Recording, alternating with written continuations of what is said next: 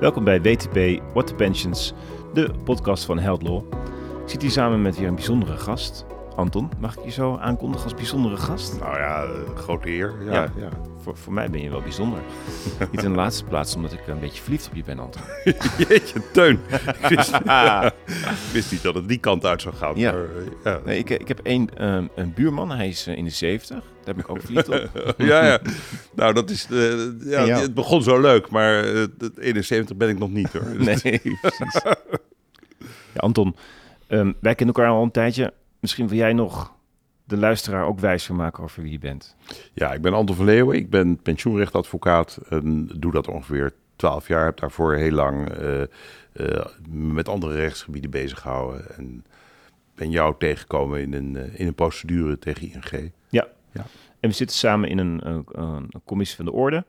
En daar spraken wij, denk ik, een maand geleden over werkingssferen. En ehm, ja, daar kwam ook, denk ik, wel naar boven eh, jouw achtergrond, hè, bestuursrecht. En Ja. daar kwam je met een eh, voor mij verfrissende nieuwe gedachte. Toen eh, dachten we, nou, daar gaan we een podcast over maken. Ja. Toch? Ja.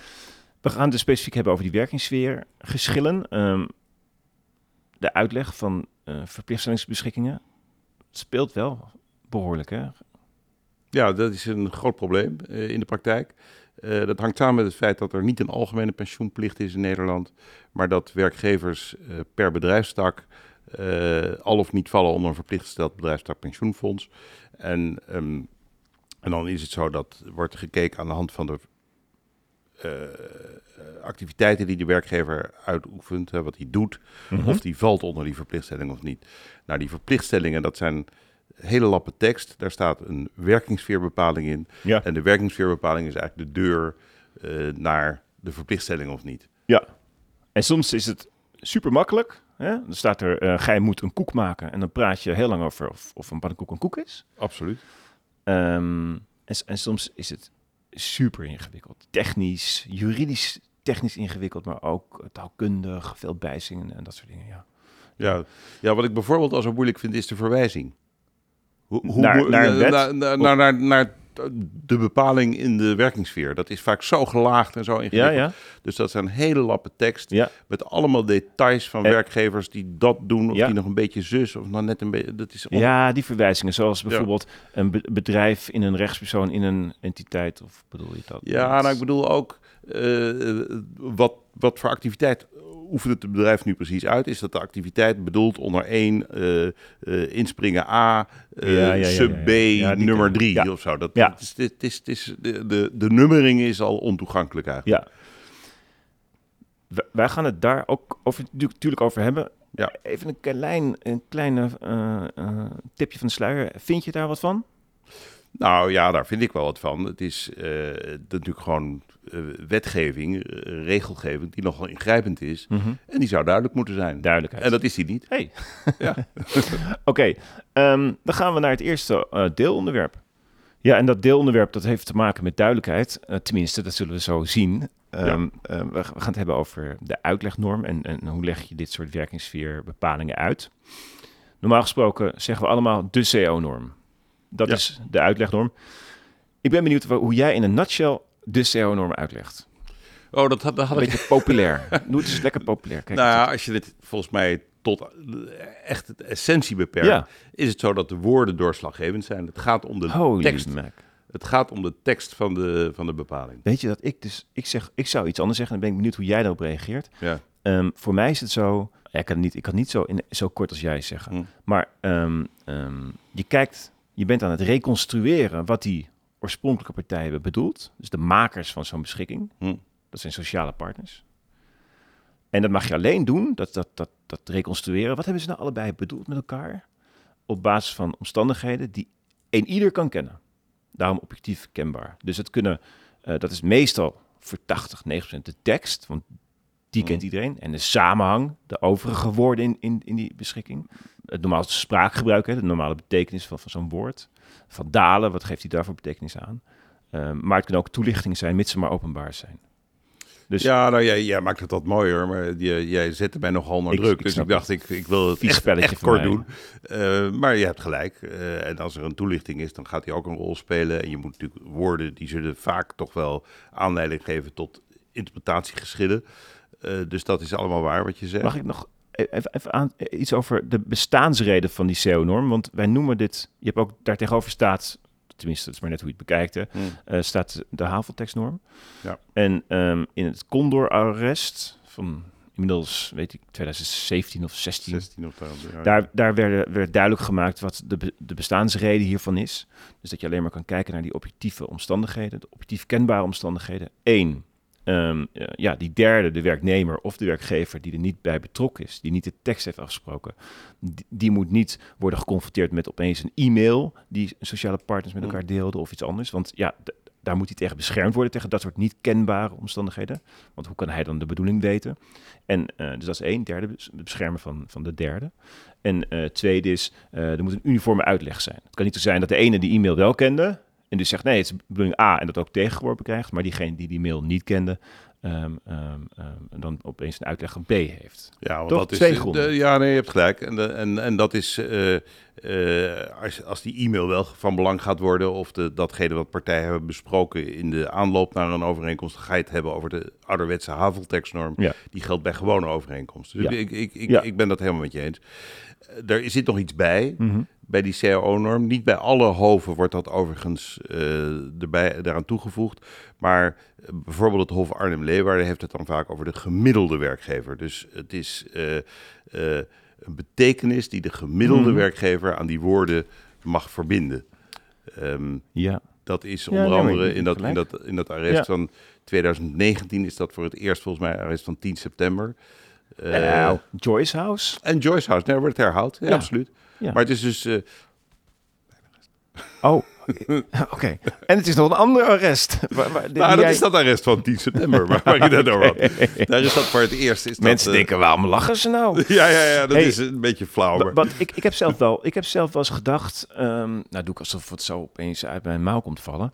Ehm, die CAO-norm, dat klopt helemaal niet. Ik, ik, ik, ik heb daar, ik heb daar gedachten bij en die wil ik met jou delen. Heb ik al lang gedaan, maar nu ook met de luisteraar en dan kijken of jij daar heel verrassend op reageert. Ja. Ehm, ik vind namelijk dat bij een, ehm, ehm, kijk, je hebt dat individuele contract en dan heb je de haveltekst en dan kan je mails bijhalen en alle, Mm. alles haal je er maar bij en dan Mm. reconstrueer je zo een gemeenschappelijke partijbedoeling. Eh, dan heb je de CO-normen, hebben we net uitgelegd. Ja. En bij een CO, of verzekeringsvoorwaarden of wat dan ook, kan je me dat voorstellen. Hè? Ehm, dan is het nog steeds een privaatrechtelijke overeenkomst, waarbij je wel dus derde moet beschermen. Maar hier, bij verplichtingsbeschikking, hebben sociale partners dat wel op de CO-tafel gedeeld en gewield, hè, of hoe je dat ook zegt. Ja. Ehm, maar dat wordt vervolgens wel ja, een soort toch een regelgeving. Hè? Dat krijgt een, een, sto- niet, niet formeel de staat van de wet, maar dat krijgt, je moet daar al gewoon je moet Ja, daar aan houden. het is materiële wetgeving. Materiële wetgeving. Absoluut. Ja. En dan denk ik van, zijn dan die twee gronden wel voldoende? Ik, ik zou zelf, eh, suggestief zou ik het antwoord gewoon geven, nee, dat vind ik dus niet. Ik vind dat, dus, ik vind dat het dus nog verder moet gaan, omdat je, ehm, dan wordt het overheidsingrijpen. En dan denk ik, net zoals bij het strafrecht en eh, bij het bestuursrecht, weet je, uitgangspunt is dat, dat we vrij zijn in het land. Wij wel. Ehm, en, en dat, we, dat, niemand zich met ons bemoeit. Ik ben geen liberaal trouwens. Ehm, ehm, en daar waar dat wordt ingeperkt, dan gelden daar allemaal eh, zekerheden. Bij strafrecht heb je dat. Eh, het moet wel in de, zeg maar, strafbaar feit is alleen maar strafbaar als de wet, als dat in de wet staat.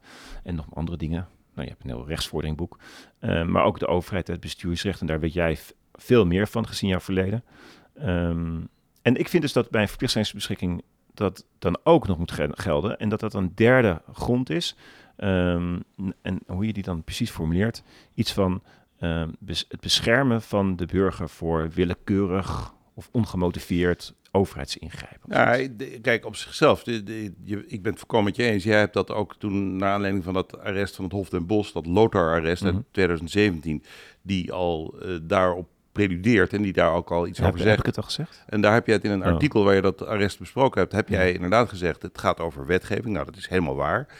En het Hof den Bosch heeft het daar zelfs over wat jij ook net noemt, over het legaliteitsbeginsel. Mhm. En het is op zichzelf zo dat legaliteitsbeginsel, dat bestaat natuurlijk voornamelijk in het strafrecht, want daar kennen we het allemaal van. Leg- Kan je uitleggen? Want ik, ik, ik, google ook altijd weer eventjes. En Ja, nou, het is eh, heel simpel, maar misschien dat ik dan ook weer een iets te korte samenvatting geef. Maar heel simpel is het, is het eh, dat, je, dat niks strafbaar is zonder voorafgaande eh, wettelijke bepalingen. ja, ja. Dus je kan niet iemand zomaar eh, een, een, een eh, strafbaar gedrag in de schoenen schuiven. Dan moet je kunnen wijzen naar een wettelijke bepaling waar staat dat Mhm. gedrag is strafbaar. Nou, dat legaliteitsbeginsel geldt ook in het bestuursrecht. Mhm. En geldt met name ook in het bestuursrecht, waar je het hebt over eh, wetgeving, regelgeving, die partijen aantasten in hun eh, Mhm. vrijheid, in Mhm. hun eh, eh, Ja. wettelijke vrijheid. Nou, dat, is, dat gebeurt hier. Ja. Want partijen hebben namelijk niet meer de vrijheid om zelf te bepalen of ze überhaupt een pensioen willen sluiten en wat voor pensioen En waar? En bij wie, en et cetera. Dus, het, dus ze worden aangetast in hun vrijheid. En ik zou dus denken dat daar gewoon onverkort het legaliteitsbeginsel gaat. Maar dan ben je er nog niet met het legaliteitsbeginsel. Want het legaliteitsbeginsel kent nog een, een, een, een uitwerking, zou je Mhm. kunnen zeggen. Het is niet alleen voldoende dat het in een wet is geformuleerd. Het moet ook duidelijk in een wet zijn Mhm. geformuleerd. Mhm. En het is absoluut uit den boze om als er dingen niet duidelijk Mhm. zijn of als er lacunes in zo'n bepaling zitten, dat dan de rechter zegt van, ah, weet je, die vul ik wel even in. Ja, want in de voorbereiding van deze podcast had jij een uitspraak waarvan je zegt van ja, maar dat kan, dat kan het gewoon niet. En dat was die uitspraak. Nou ja, Ja, ik dacht Joyce, ik dacht Joyce houdt. nee, is- het is niet Joyce Huis. Maar die ga ik even. Maar, maar kan je, vertel jij de luisteraar waar, waar je het over had, of tenminste waar ik het over heb. Probeer ik hem te. nou, het, het, het ging daar volgens mij over de uitleg van het begrip hoofdzaak. In hoofdzaak, wat daarmee bedoeld werd. Of dat was het aantal Mhm. uren. Ja, dat is misschien voor de, luister, de, de, de luisteraar die niet Nee. dagelijks met deze problematiek bezig is, niet direct duidelijk wat de relevantie daarvan is. Maar als er wordt gekeken naar de activiteiten van een werkgever, gaat het om de activiteiten die hij in hoofdzaak verricht. In veel Ja. verplichtstellingen. En dat was hier ook zo. Maar dan is de vraag, ja, wat is een hoofdzaak? Is dat het aantal uren dat daaraan Mhm. besteed wordt?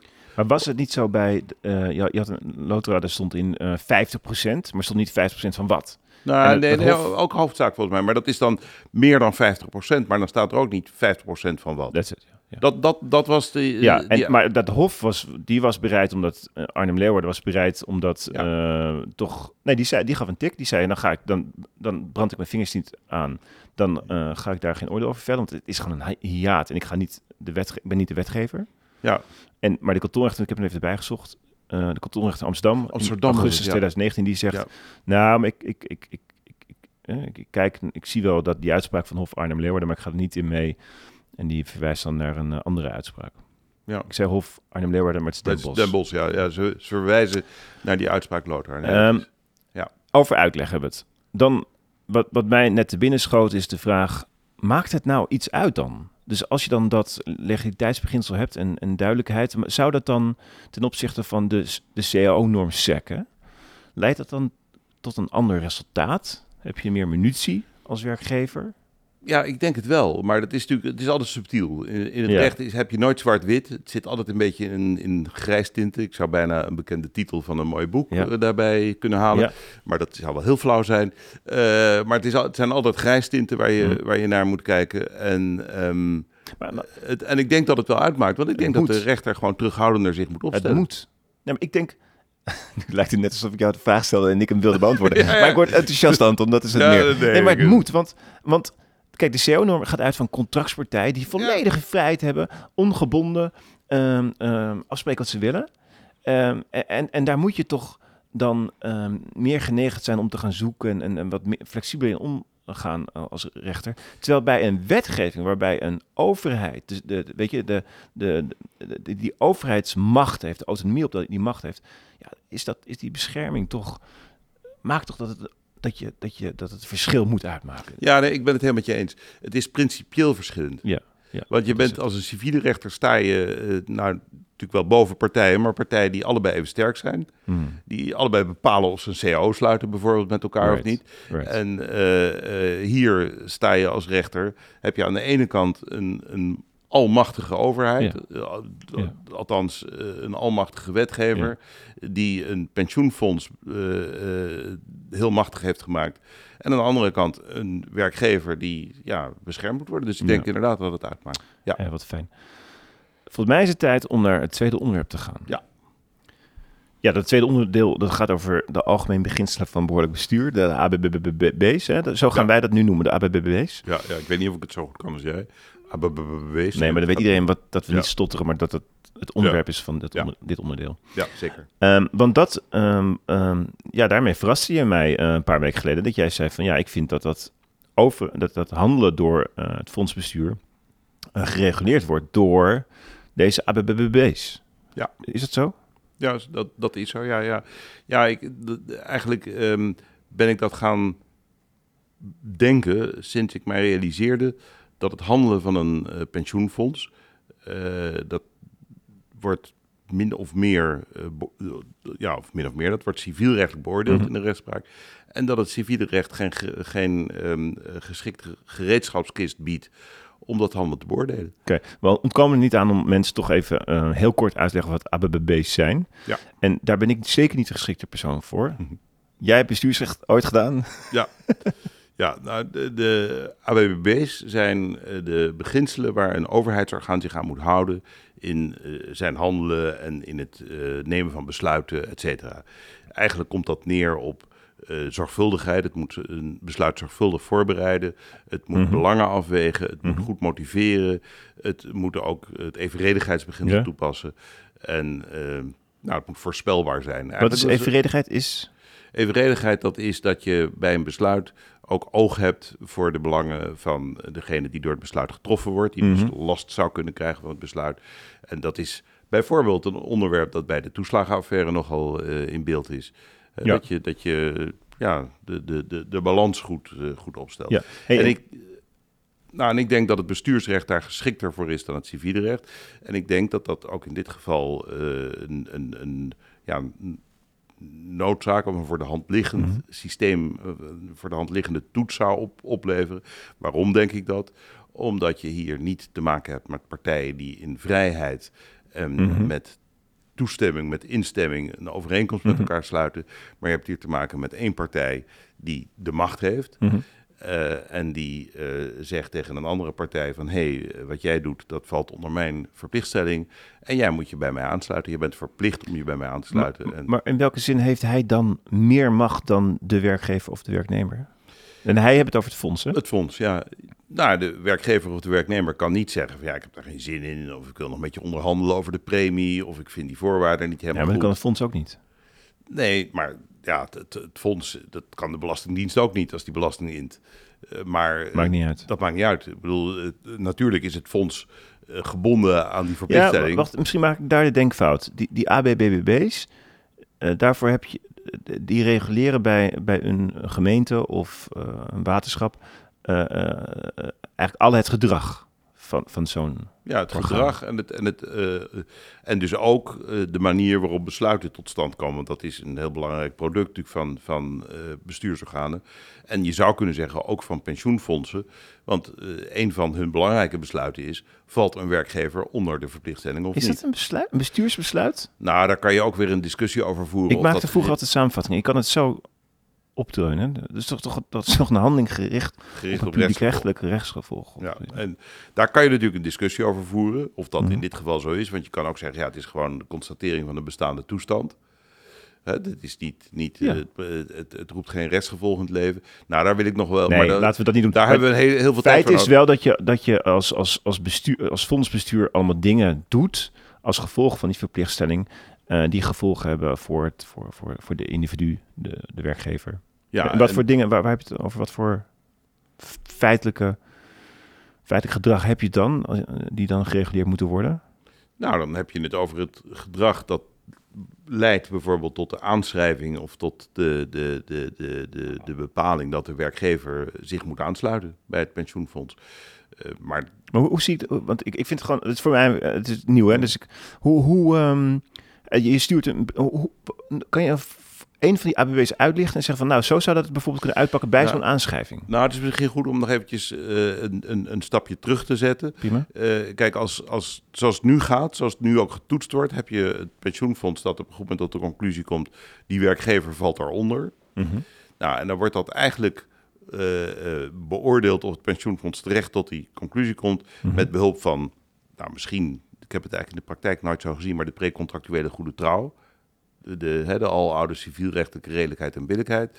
En, eh, Oh, je hebt het over civielrechtelijke bescherming. Nee, zo, zoals het nu gaat. Ja, In, in de nou, rechtsverwerking, eh, Ja, maar dat zijn allemaal, allemaal eh, uitwerkingen van de redelijkheid en billijkheid. prima. En waar. in de procedure is het stelplicht en bewijslast.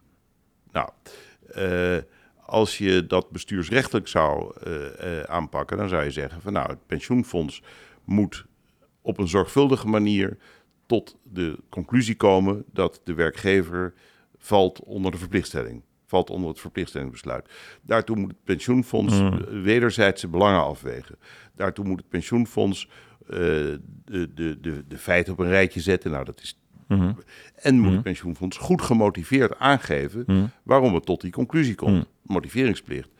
En moet het misschien Mhm. ook, als er een verleden eh, bij komt kijken, als die werkgever een hele tijd niet, om wat voor reden dan ook, eh, onder dat pensioenfonds heeft gezeten. Ja. En misschien wel met zelfs een soort wederzijdse eh, instemming, dat het Mhm. pensioenfonds eerst die, die verplichtstelling anders heeft uitgelegd Ja, dan, precies. dan het nu doet Ja, precies. dan moet je dus kijken van nou, hoe ver kan ik teruggaan? En daar zou je dan, ik, de- ik denk dat dan het evenredigheidsbeginsel meer mogelijkheden geeft om dat niet zwart-wit te benaderen. Ja. Ehm, Ja, en, en, Dus- en eh, dan zou je civielrechtelijk zou je zeggen, ik mocht erop vertrouwen of je hebt je, rechts, je recht ver- verwerkt.